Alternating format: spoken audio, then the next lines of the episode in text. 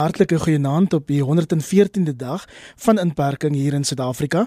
Op kommentaar probeer ons oudergewoonte sin maak van die week se vernaamste nuusgebeure en op die lyn dan drie top politieke kommentators om ons daarmee te help. Professor Dirk Coetzee is verbonde aan Unisa. Ons sê ook goeienaand aan professor Amanda Gous van die Universiteit Stellenbosch. So Dr Oscar van Heerden is 'n navorser en skrywer van die boek 2 Minutes to Midnight: Will Ramaphosa's ANC Survive? Kom ons skop dan af met die 10 miljard rand reddingsplan plan wat die week vir die beleerde SAL goedgekeur is. En na dae van landwyse bespiegeling oor spanning tussen Pravin Gordhan en Tito Mboweni, sê rapporte in City Press vandag dat die twee ministers wel albei 'n einde wil bring aan reddingsboeye vir die lugdiens. Amanda, dit voel vir my ons het al hierdie fliek gesien en dis waarskynlik nie die laaste keer wat ons hier op kommentaar gaan vra nie. Wat voer Pravin Gordhan in die mou? Wat is dan nou sy fascinasie met hierdie afvlerk lugdiens Amanda? Wel ek dink uh, ons was almal 'n bietjie verbaas toe ons hoor dat daar wel ehm um, geld gegee gaan word vir vir SAL want die die laaste wat gesê is is dat ehm um, die die eh uh, lugdiens gelikwideer moet word en dat uh, die die werkers die personeel afdankingspakkette moet kry. Nou wat hierdie week gesê het is dat geld wat wel gegee gaan word is om basies eh uh, die die personeel uh, in staat te stel om opleidingswerk uh, te kan doen. Met ander woorde om opleiding te kan doen vir 'n uh, nuwe werk waarvoor hulle dan moet aansoek doen. So waarvoor die geld dan nou gegee word is is dit onduidelik. Is dit om die lugredery in die lug te hou of is dit basies om te voldoen aan die eise van die vakbond? Uh wat gevra dat uh die mense moet groter ehm um, afdankingspakkette kry en hulle moet uh opleiding kry. Nou ons weet dat ehm um, dit nie eintlik moontlik is om Israel in die in die lig te hou nie want die dit is dit is net 'n groot donker gat waarin geld gegooi word. Dit is selfde situasie as met ehm um, Eskom.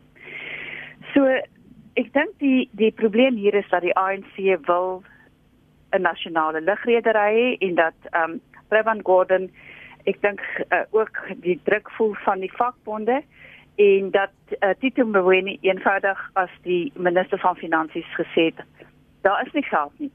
Ek meen as ons kyk waarvoor daar alles nou geld nodig is, dan is dit eintlik 'n bietjie absurd om te dink jy moet 'n lugredery red terwyl daar soveel ander baie dringende ehm um, finansiële krisisse is wat ons nou moet hanteer in hierdie grendeltydperk uh, en rondom die pandemie. Hmm. So ek dink dit is 'n kwessie van uh die die faksies in die in die ANC en dan ook die feit dat die uh dat die minister van finansies sy sy regsterk gemaak het en dit natuurlik kan hom isoleer, kan hom uh jy weet 'n teken maak van aanvalle. So ek dink dit is 'n hy bevind homself eintlik in 'n benade situasie. Professor Dirk Coetzee, ons het nou gehoor wat Amanda te sê het Dirk en enkele weke gelede het meneer Mboweni ons noodbegroting vir ons voorgelê en daar was nie 'n enkele sent vir SAL se sakeredding op sy gesit in daai 'n um, bietjie geld wat ons 'n noodbegroting genoem het nie. Skielik word daar nou weet 10 miljard rand um, goedgekeur tussen hakkies. Weet ons al waar die geld vandaan gaan kom? Nee, ek dink nie ons weet 100% nie. Daar is 'n sekere bedrag is uh, uh geïdentifiseer in die oorspronklike begroting. So daar is 'n uh, nog 'n bedrag wat gespreek is. Maar ek dink wat wat ons nou sien wat besig is om plaas te vind is dat ehm um, daar 'n ooreenkoms bereik is, maar die deel van die ooreenkoms wat nie uitgestel word nie, is is dat beide ministers, Tito Mboweni sowel as Pravin Gordhan het onderneem om te probeer om ekstern die geld te probeer kry. Ehm um, dit is in die vorm van moontlike uh vennote wat hulle kan inbring. Hulle het self hulle het selfs nou al genoem dat daar sekere lugtrederye is wat 'n uh, aanbod gemaak vir om deel te word in van 'n vennootskap met met die nuwe bedeling wat gaan plaasvind. So ek dink dit is baie soortgelyk aan wat vroeër te sprake was toe die vakbonde onderhandel het oor 'n salarisverhoging en hulle gesê het seker ek dink was 1.2% daarvan moet hulle voorgaan bronne soek. En ek dink wat nou te sprake is en en dit is hoe die twee met mekaar versoen word en dis van die berigte wat ek vandag gesien het is dat hulle nie werklik so wyd uiteenlopend is nie. Ehm um, is dat uh, veral minister Kevin Gordon nou die taak het om te gaan probeer om buite die begroting te gaan soek vir addisionele fondse. Um, en ek dink dis die enigste manier hoe hulle hulle hulle reputasie op 'n manier kan probeer red. Maar wat dit eintlik vir ons almal sê is is dat die die bedrag of die geld vir befondsing gaan nie primêr uit die begroting uitkom nie omdat soos almal sê um daar nie op hierdie stadium enige geld ander geld addisioneel tot die van die maart februarie maart begroting uh, geïdentifiseer is hiervoor nie. En dis ook 'n manier hoe om uiteindelik uit te kom uit die druk wat veral die vakbonde um, en die krediteure. Ons moet nooit vergeet dat die krediteure is die belangrikste faktor op hierdie stadium om te bepaal of hierdie plan geïmplementeer kan word of nie. Oscar, hoe lees jy die SAL drama? Meneer Mboweni het al redelik breëbors aangevoer dat die SAL gesluit behoort te word. Hy het selfs al gesê hy sal sy eie geld daarop wet. En dan is daar die ander morele argument wat meneer Mboweni tot dusver aangevoer het. Oscar het gesê om um, op meer as een geleentheid SAL vervoer in elk geval net die rykes terwyl treine, taksies wat die werkersklas vervoer nie die nodige finansiering van die staat kry nie. So hoe lees jy dit? Wel kyk, ja, men dankie vir vir dit. Ehm um, jy weet vir my is dit ek dink ons moet die persoonlikhede uit die situasie haal. Ek dink ek dink dit is onregverdig om te sê dis dis 'n persoonlike ding vir Gordaan of dis 'n persoonlike ding vir Tito en so. Bombweni as die, die minister van finansies en hy probeer natuurlik geld spaar en en dit gegee vir die situasie wat ons onsself uitvind ehm um, in terme van geld ehm um, in die begroting en dis meer en ek dink Gordaan uh, se storie is dat die kabinet soos soos uh, um, gesê was die kabinet het besluit dat ons graag 'n ligredery moet hê en ek dink daar was verskillende redes hoekom hulle dit gesê het. Ehm um, ek dink dit is noodwendig omdat hulle uh, geld in 'n swart gat en wil afgooi nie. Ehm um, hulle het gepraat van toerisme, hulle het gepraat van dienste en goedere. Ehm um, hulle het gepraat van die feit dat jy weet Suid-Afrika word gesien as 'n uh, 'n destination wat aan die einde van die wêreld is. Ehm um, en daar's 'n argument wat sê dat ander internasionale ligterlederye het nie noodwendig ons belange ter hart nie. Ehm um, jy weet en dat ons as ons as ons wil connected bly met die wêreld, dan het ons 'n ligterledery nodig. En ek dink tog wat wat die argument is is om te sê ons het lesse geleer uh oor meer vele jare. Daar is natuurlik korrupsie en en so aan. Ons het gesien met die sondekommissie en Dudumuyeni en al die uh wanpraktyke wat plaasgevind het by Israel maar tog sê die, ek dink wat die regering sê wat Gordaan sê is dat ons het mos nou 'n reddingspakket. Hulle sê vir ons dat indien ons nog iets wil red uit die ligredery uit natuurlik nie Israel soos dit heiliglik sien nie want volgens die 10 miljard rand 'n begroting wat hulle nou soek word daar nog steeds gepraat van 3600 werkers wat hulle werk gaan verloor. Sal moet hulle sal moet in die pad gesteek moet word. Ehm um, en natuurlik die krediteer soos eh uh, Dirk natuurlik sê, um, ons moet ook aan hulle dink uh, want 'n likwidasie klein en simpel gaan natuurlik nou nie vir hulle eh uh, noodwendig uh, vir hulle uh, goed wees nie. En so ek dink wat wat wat ons ek dink die, die manier hoe ek dit sien is dat daar's twee daar's twee oplossings. Ons kan sien kyk gegee word die geskiedenis, die korrupsie en al die die, die ontenting dinge, miljarde geld en so aan. Ehm um, kan ons natuurlik dit bedui ons maak daai hoofstuk toe op die boek of ons kan sê ons het lesse geleer. Ehm um, ons wil graag hê dat 'n kleiner ligdiens met uit hierdie situasie kom met uh, minder werkers, ehm um, meer lean mean machine tipe van ding. En natuurlik is dan net die vraag sal ons dit kan hanteer? Sal ons dit kan kan sal ons kan seker maak dat ons vermy dieselfde foute ehm um, wat ons gedoen het in die verlede? En ek dink dis 'n groot vraag. Maar ek dink tog mense het 'n bietjie van 'n houding teenoor Israel gegee word die feit dat vir jare al is daar wan wangedrag uh, wangedrag in in en korrupsie by die lugdiens. En dis 'n houding wat nog um, in die politiek gaan uitspeel want daar's nog baie dinge wat moet gaan gebeur voor ons uiteindelik gaan weet waar hy 10 miljard rand vir SAL vandaan sal kom. Ons wil staan dan eers met 'n aanhaling van die ekonom Dawie Rood vandag in rapport en Dawie sê sou meneer Mboweni onder druk swig en die geld aan SAL oorbetaal, sal ons weet dat meneer Mboweni 'n leienaar is en nie vertrou kan word nie sê Dawie in rapport, 'n leienaar soos die res.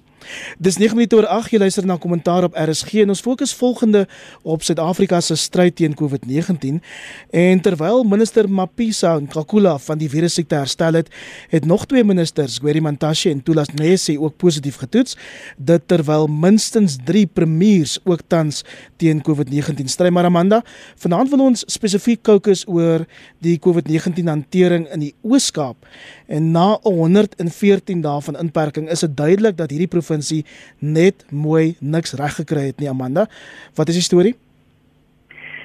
En ek dink wat die situasie daar vir ons wys, ehm um, is basies net 'n ontbloting van jarelange se uh jarelange ehm um, wanbestuur ehm um, in korrupsie in in die uh gesondheidsfasiliteite van die Oos-Kaap.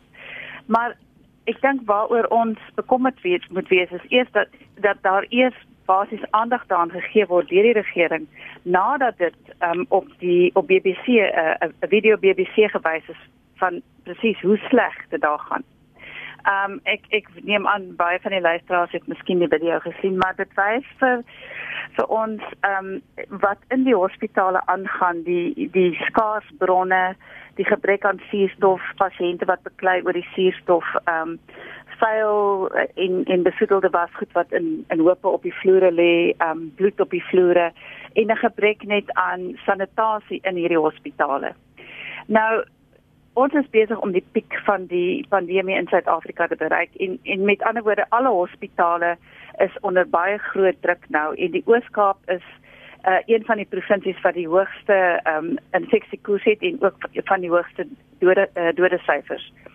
En wat dit wys is dat ehm um, die die hospitaalstelsel die die staatshospitaalstelsel in die Oos-Kaap is baie verwaarloos. Ehm um, en en wat gebeur is dat van die personeel wil nie meer werk nie omdat hulle dink dit is lewensgevaarlik. Daar is 'n tekort aan aan dokters uh in die in die Oos-Kaap. Uh die die getal is iets so 655 uh dokters wat tekort is. Daar is 'n tekort aan uh die nodige medisyne en so aan. Ehm um, nou die die lid van die uitvoerende raad vir die Oos-Kaap uh, vir gesondheid sê nee, maar dit is nie eintlik so erg as wat dit lyk nie en dat hulle basies probeer om die probleem aan te spreek. Maar ek dink dat hy baie hy hy ehm um, ek dink nie hy is reg in sy uitsprake oor presies hoe erg dit is nie. En ek dink eh uh, die die ANC in die Oos-Kaap moet verantwoordbaar gehou word vir die vir hierdie groot krisis in die uh, in die gesondheidsdiens van die Oos-Kaap. En ons hoef net een en een bymekaar te sit om te weet wat gebeur in 'n pandemie wanneer basiese gesondheidsorg nie in plek is nie, veral in 'n arm provinsie soos die Oos-Kaap. Dirk, professor Salim Karim, ons hoofwetenskaplike sê hierdie week reguit aan Sky News dat hospitale in die Oos-Kaap in die knype is weens korrupsie en onbevoegdheid. Ek het sy eerlikheid nogal verfrissend begin be, gevind, maar in dieselfde asem het minister Willem Mkhize hierdie week twee keer gesê Dirk dat die staat nie wetenskaplike se aanbevelings openbaar sal maak nie. En dit laat die vraag: Hoekom sou die regering so iets van ons geheim behou dirk? Wel, dis die tweede keer wat dit nou tot sprake kom. Dit was vroeër die Linda Gray in situasie was ook in 'n groot mate daarop gebaseer gewees. Um en dan vroeër wat van die politieke partye soos die DA um, dit selfs hof toe wil neem dat hulle gesê die modelle wat uh, aan die uh, bevelsraad en uh, voorgelê is is dat dit dit, dit nie bekend gemaak word nie. Um op daardie stadium was die antwoord en ek dink dit gaan steeds die antwoord wees is dat hierdie is bloot advies wat deur die verskillende uh, adviesliggame of die ministeriële advieskomitee of die modelleringsspanne um, aan die verskillende ges, uh, besluitnemers voorgelê word en dat dit nie die die alleen basis is waarop besluite geneem word nie. Dis een van die aspekte wat ter sprake kom en daar's ook verskillende scenario's. Daar's nie net een model wat ter sprake is nie. Nou ek het redelik simpatie vir so 'n idee want ek meen in ons omgewing die navorsingsomgewing weet 'n mens dat daar nie uh, dat daar dikwels inligting is wat nie noodwendig absoluut jy kan jou lewe daarop plaas dat dit absoluut korrek is nie. Ehm um, en in die in die politieke omgewing waar besluite geneem word, hierdie tipe van besluite geneem word, is die insette van die akademie van die wetenskaplike kant is een daarvan. Dit is nie noodwendig selfs eers die belangrikste inset wat ter sprake is nie. Ehm um, en saam daarmee wat en daarvoor het ek minder simpatie deur te sê wel dit gaan mense bang maak vir alles van hierdie modelle uh, wys op 'n groot eskalering van die um, vir al die sterfte syfers. Ehm um, maar ek ek dink waarvoor ek meer ehm um, ek dink verstaan is die argument dat dit deel is van een een van die insette in 'n besluitnemingsproses en dat daar verskillende insette ook en dat daar selfs verskil van mening tussen die verskillende wetenskaplikes is. Ek dink dit dit dring mense terug na wat is die verhouding of hoe wat is die besluitnemingsproses, die aard van besluitnemingsproses soos wat ons die afgelope 3 maande of 4 maande gesien het. Um en dit is hoogs belangrik dat mense dit verstaan. Die meeste mense al vermoed dalk of dink dalk dat die insette van byvoorbeeld die ministeriële advieskomitee is omtrent bindend. Dat dit is iets wat uh, as hulle dit aanbeveel dan is dit dan moet die re, re, re, regering daarop re, reageer sonder dat hulle enige opsie regtig het. Wat nie natuurlik die waarheid is nie dat dit is 'n baie meer gekompliseerde proses van besluitneming um, waarin verskillende aspekte te sprake kom. En ons het dit ook met ter tyd begin sien waar die die gesondheidsoorwegings uh, veral vanaf toe dit die verskillende vlakke begin afbeweeg het vanaf vlak 5 um, toe dit begin te sprake kom met en ander oorwegings veral ekonomiese oorwegings meer prominent begin word. Het. So hmm. dit alles sal mense moet in ag neem as jy na hierdie uh na die uh, besluitnemingsproses kyk wat uh, wat die afgelope tyd gevolg is. So Oscar 'n projekbestuurspan van kenners is nou in plek gesit, 'n klomp wyse manne en vroue wat nou ingestuur is om daar in die ooskap te gaan help. Maar om by Amanda se punt aan te sluit, behoort die koppe nie te rol vir van die skokkende ontdekkings wat Dr. Willem Kiesi se span daar gemaak het. Die minister sê vir ons, dit is waar wat jy op daai video gesien het is waar al onderspeel die ooskap se gesondheidsbase dit. Ja, kyk en soos ons mos nou gehoor het, dis net hulle hulle frik geskrik aan die ooskap. Ehm um, hulle het nie geweet dat dit so erg nie. Ehm um, wat verbasend is. Ek dink twee ek twee punte wat ek wil maak. Die een is die geskiedenis van die Oos-Kaap provinsie. En die geskiedenis Amanda se kry vir jare en jare was daai uh, provinsie met wanbestuur en korrupsie. Grootskaal korrupsie.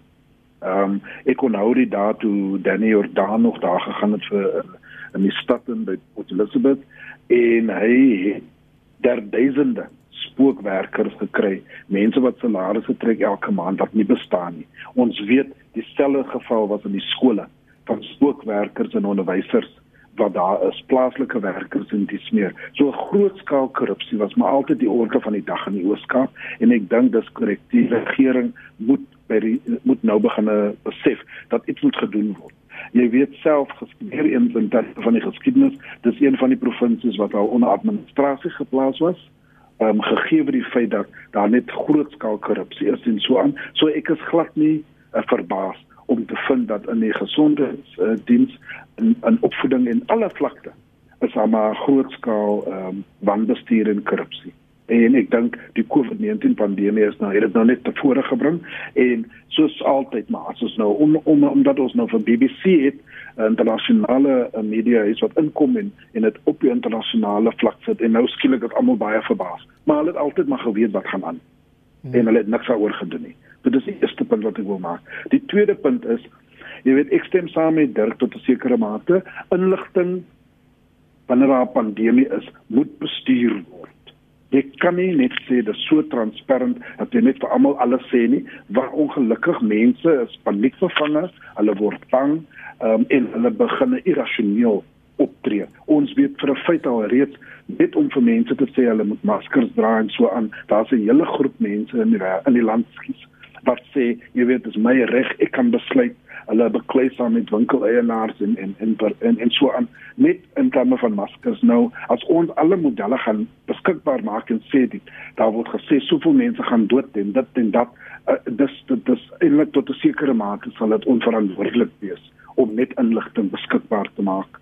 Ehm um, en so ek dink jy weet daar is daar is 'n argument wat sê uh, inligting moet bestuur word.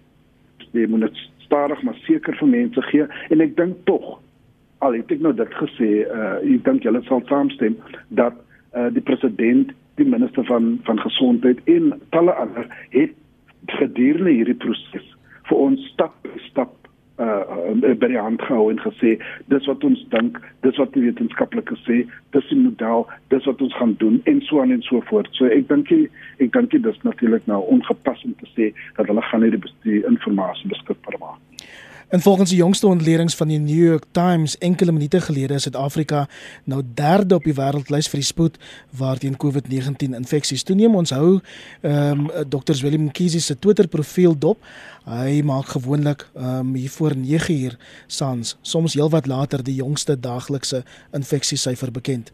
Intussen net ehm um, Iwer, dis as ek net dan ag, ek skiet uh, Iwer, net om nie in die rede te val Iwer. Wat tog wil ek sê, jy weet in terme van infeksie uh uh is is nou een ding, maar ek wil tog sê ons moet ons bemoei. Die die syfer wat vir my die mees belangrikste is, is die doodgetal. Ja. Ehm ja. um, dis vir my die mees belangrik. Die, die dodetal. Nou- die dodetal ja. ja. Uh dis vir my die mees belangrikste en ek dink as ons sê ons is derde in die in die wêreld in terme van infeksies en dis meer ek dink terselfdertyd in dieselfde asem moet ons tog ook sê maar die die do, die die dodetal is dit. Hmm. Ehm um, ek stem ek stem met jou saam en mense moet dan in dieselfde asem ook sê ehm um, hoeveel mense intussen daarvan ehm um, herstel het. Presies. Uh, Intussen het Suid-Afrika ook die week afskeid geneem van oud-president Nelson Mandela se dogter Zinzi Mandela wat volgens die ANC en die EFF ook aan COVID-19 verwante komplikasies dood is. Amanda, kom ons staan vir 'n oomblik net stil by die nalatenskap van Zinzi Mandela wat tot met haar dood ons ambassadeur in Denemarke was. Hoe gaan jy haar onthou? En ek dink soos ehm um, met Nelson Mandela en Winnie Mandela is dit 'n uh, gemengde nalatenskap. Ehm um, Zinzi was was die dogter van die uh, van president Mandela en Winnie Mandela. En soos haar ma, dink ek was sy sy was 'n vegter geweest en sy was nie bang om in die in die kruit te klim en en haar sê te sê nie. Ek dink ons het haar die eerste keer gesien in 1985 toe sy haar pa se brief gelees het waarin hy gesê het hy gaan nie geweld afsweer net sodat hy uit die tronk vrygelaat gaan word nie. Ehm um, en en ons sien dat sy ehm um, met tyd ehm um, uh, 'n geskiedenis gekry het van van iemand wat ehm um, ek dink uh, baie keer deur Nelson Mandela uh, geroskam is oor die besluite wat sy geneem het. En ek dink ons sien dit ook in die die mees onlangse voor haar dood wat sy gesê het oor uh wit Suid-Afrikaners dat ehm um, ons onwelkom is in die land en dat ons ehm um, basies uh, tyd geword het vir ons om om te vertrek. En ehm um, sy is self baie ernstig gekritiseer. Uh aan die ander kant moet ons verstaan dat sy het groot geword sonder haar pa sy was saam met haar ma in in Brandfort um, in in uh ballingskap basis en dit het 'n geweldige in, impak op haar gehad en op haar begrip vir die geskiedenis en haar begrip um vir vir haar eie plek in die geskiedenis. En ek dink die een ding wat sy weer haar leeftyd gesê het is dat haar gemis aan haar pa, dat haar pa nooit daar was nie en toe hy uiteindelik uit die tronk uitgekom het, toe moes sy hom deel met miljoene ander mense. Ehm um, so dit is 'n gemengde nalatenskap, maar ek dink ehm um, as as iemand wat uh, vreesloos was in die stryd uh, teen apartheid en ook later die uh ek dink wat wat uh, jy weet 'n spesifieke blik op die geskiedenis gehad het waarmee ons nie noodwendig almal saamstem. Dirk die sekretaris-generaal van die Verenigde Nasies, Antonio Guterres, het ook gister aan Zinzi hulde gebring toe hy die Nelson Mandela gedenklesing aangebied het en meneer Guterres se toespraak is loshande um, volgens my seker die mees bepalende COVID-19 toespraak wat ek nog gehoor het. Ehm um, wil jy daarop uitbrei? Ja, ek ek stem met jou 100% saam. Ek dink dis een van die belangrikste toesprake wat ons van enige persoon op die internasionale vlak in die afgelope weke van gehoor het. Sy sy tema was oor ongelykheid in die verband wat dit het met die met die pandemie. Um en die die die voorstel wat hy gemaak het is die idee van dat daar 'n sosiale kontrak moet sta, tot stand kom op die internasionale vlak. Um en wat interessant was en ek dink baie baie bepalend is is is dat hy by die VN begin deur te sê ons kom ons begin op die hoogste vlak en ons kyk na wat is wat is die ongelykhede in die VN stelsel. Um, en hy het spesifiek verwys na die hervormings wat nodig is binne die VN stelsel. Die Veiligheidsraad het hy by name genoem. Um, en da, daarna het hy oorgegaan na om te, te, te twee faktore te identifiseer wat na sy mening bepalend is in die internasionale ongelykheid wat op die oomblik bestaan. Die een het hy eh, na verwys as kolonialisme en die ander een as patriargie. Ehm um, en ek dink wat wat wat belangrik is is en dit sluit baie aan by 'n belangrike boek wat 'n tyd gelede gepubliseer is deur uh, Thomas Piketty wat gaan oor ongelykheid en die effek van dat daar 'n oorkonsentrasie van van rykdom en uh is in 'n in die 1% by die top um, terwyl die res van die wêreld um, die ongelykheid besig is om ongeag watter land dit is, selfs insluitend in die FSA, is dit besig om te groei, om die middelklas te te verklein um, en om die die laer inkomste groepe net nog nog meer ernstig te raak. Um, en sy oproep was dat um, dat daar gekyk dat daar drasties opgetree moet word en dat daar strukturele veranderings en dis spesifiek waarna hy verwys het wat ek dink baie belangrik is strukturele veranderings op internasionale vlak moet plaasvind um, om hierdie ekonomiese en sosio-ekonomiese ongelykhede um, uiteindelik te kan aanspreek. Volgens hom is die pandemie is en dit is natuurlik die standpunt van baie mense, het hierdie ongelykhede net onder 'n vergrootglas geplaas en dit baie meer geaksentueer. En ek dink as 'n mens na dit hierdie hele tema wat hy uh, vir ons op die tafel gesit het as ons daarna kyk en en dit vir ja, op elke land van toepassing maak want dis letterlik wat dit moontlik maak. Um, is dit 'n uiters belangrike boodskap wat hy gister uitgebring het. Interessante naweek wat betref die Mandela geskiedenis. Suid-Afrikaners het gister uh, Mandela Dag gevier. Dis eintlik wêreldwyd um, geherdenk op die geboortedag van wat meneer Mandela se 102de verjaardag sou wees. Sy dogter Zinzi is toe Vrydag begrawe en Oscar City Press het 'n roerende huldeblyk aan Zinzi wat my baie um, herinner aan um, hoe Amanda dit uitgebeeld het. Zinzi wat as 'n kind te bang was om vir mense te sê dat sy die dogter van Nelson en Winnie Mandela is. Ehm um, en ek wil vir jou 'n eenvoudige vraag vra wat ek vandag in een van die Amerikaanse koerante raak gelees het. Het Suid-Afrika Madiba se nalatenskap verraai? Hm. Ehm um, Nee, ek dink so nie. Uh, jy weet, ehm um, ek dink ek dink dat ons 'n Mandela nodig gehad het op daai stadium van ons geskiedenis. Ons het iemand soos hom nodig het om ons 'n visie te kan gee en 'n leierskap te kan kan gee in terme van ehm um, versoening en en so aan. Ehm um, en ek dink vir die vir die vir die meeste jy weet ek dink ons ons ons beleef ons leef nou ons lewe nog steeds daai droom. Ek dink so.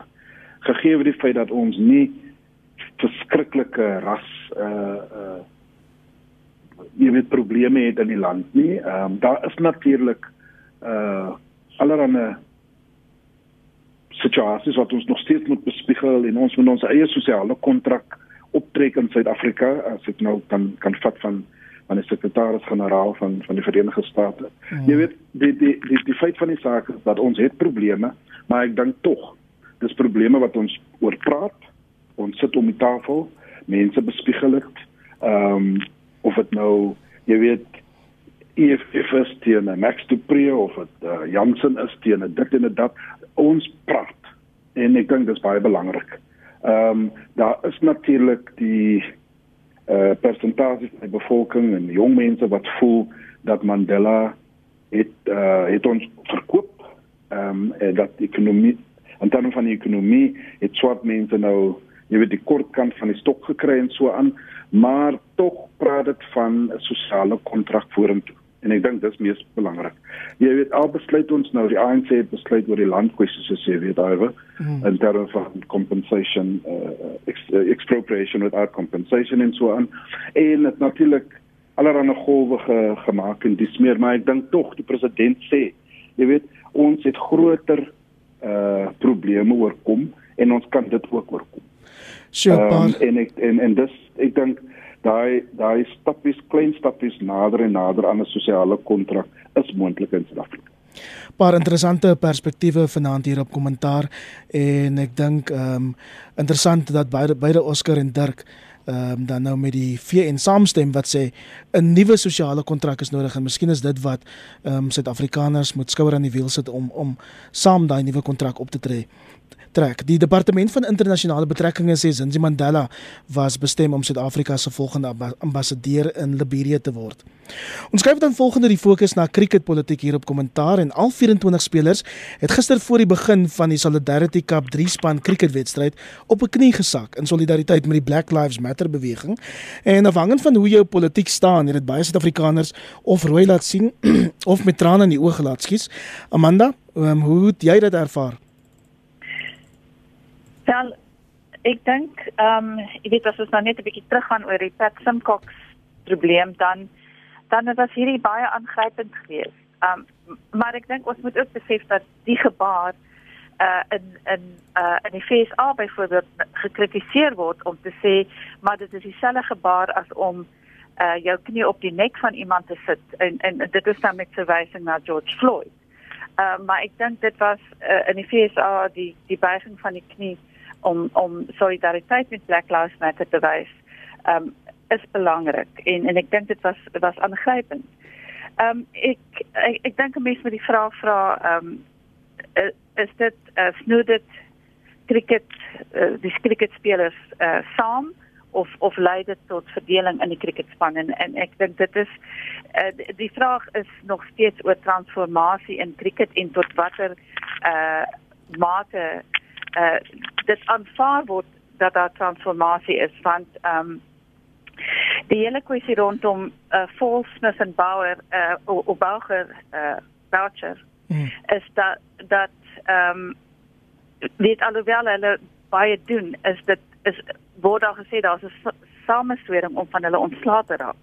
Ehm um, omdat hulle nog steeds fit is sodat daar jy weet dat daar ehm um, meer gedoen moet word vir transformasie en en ek dink die ander kant van die saak is dat mense wat sê maar dit uh, weet om om op hierdie manier manier te dink oor transformasie gaan eintlik uh die die hele kwessie van cricket in Suid-Afrika ondermyn want ons weet die cricket het baie swak gevaar um, in die laaste tyd en dat dit 'n uh, poging is om cricket weer in in ere te herstel.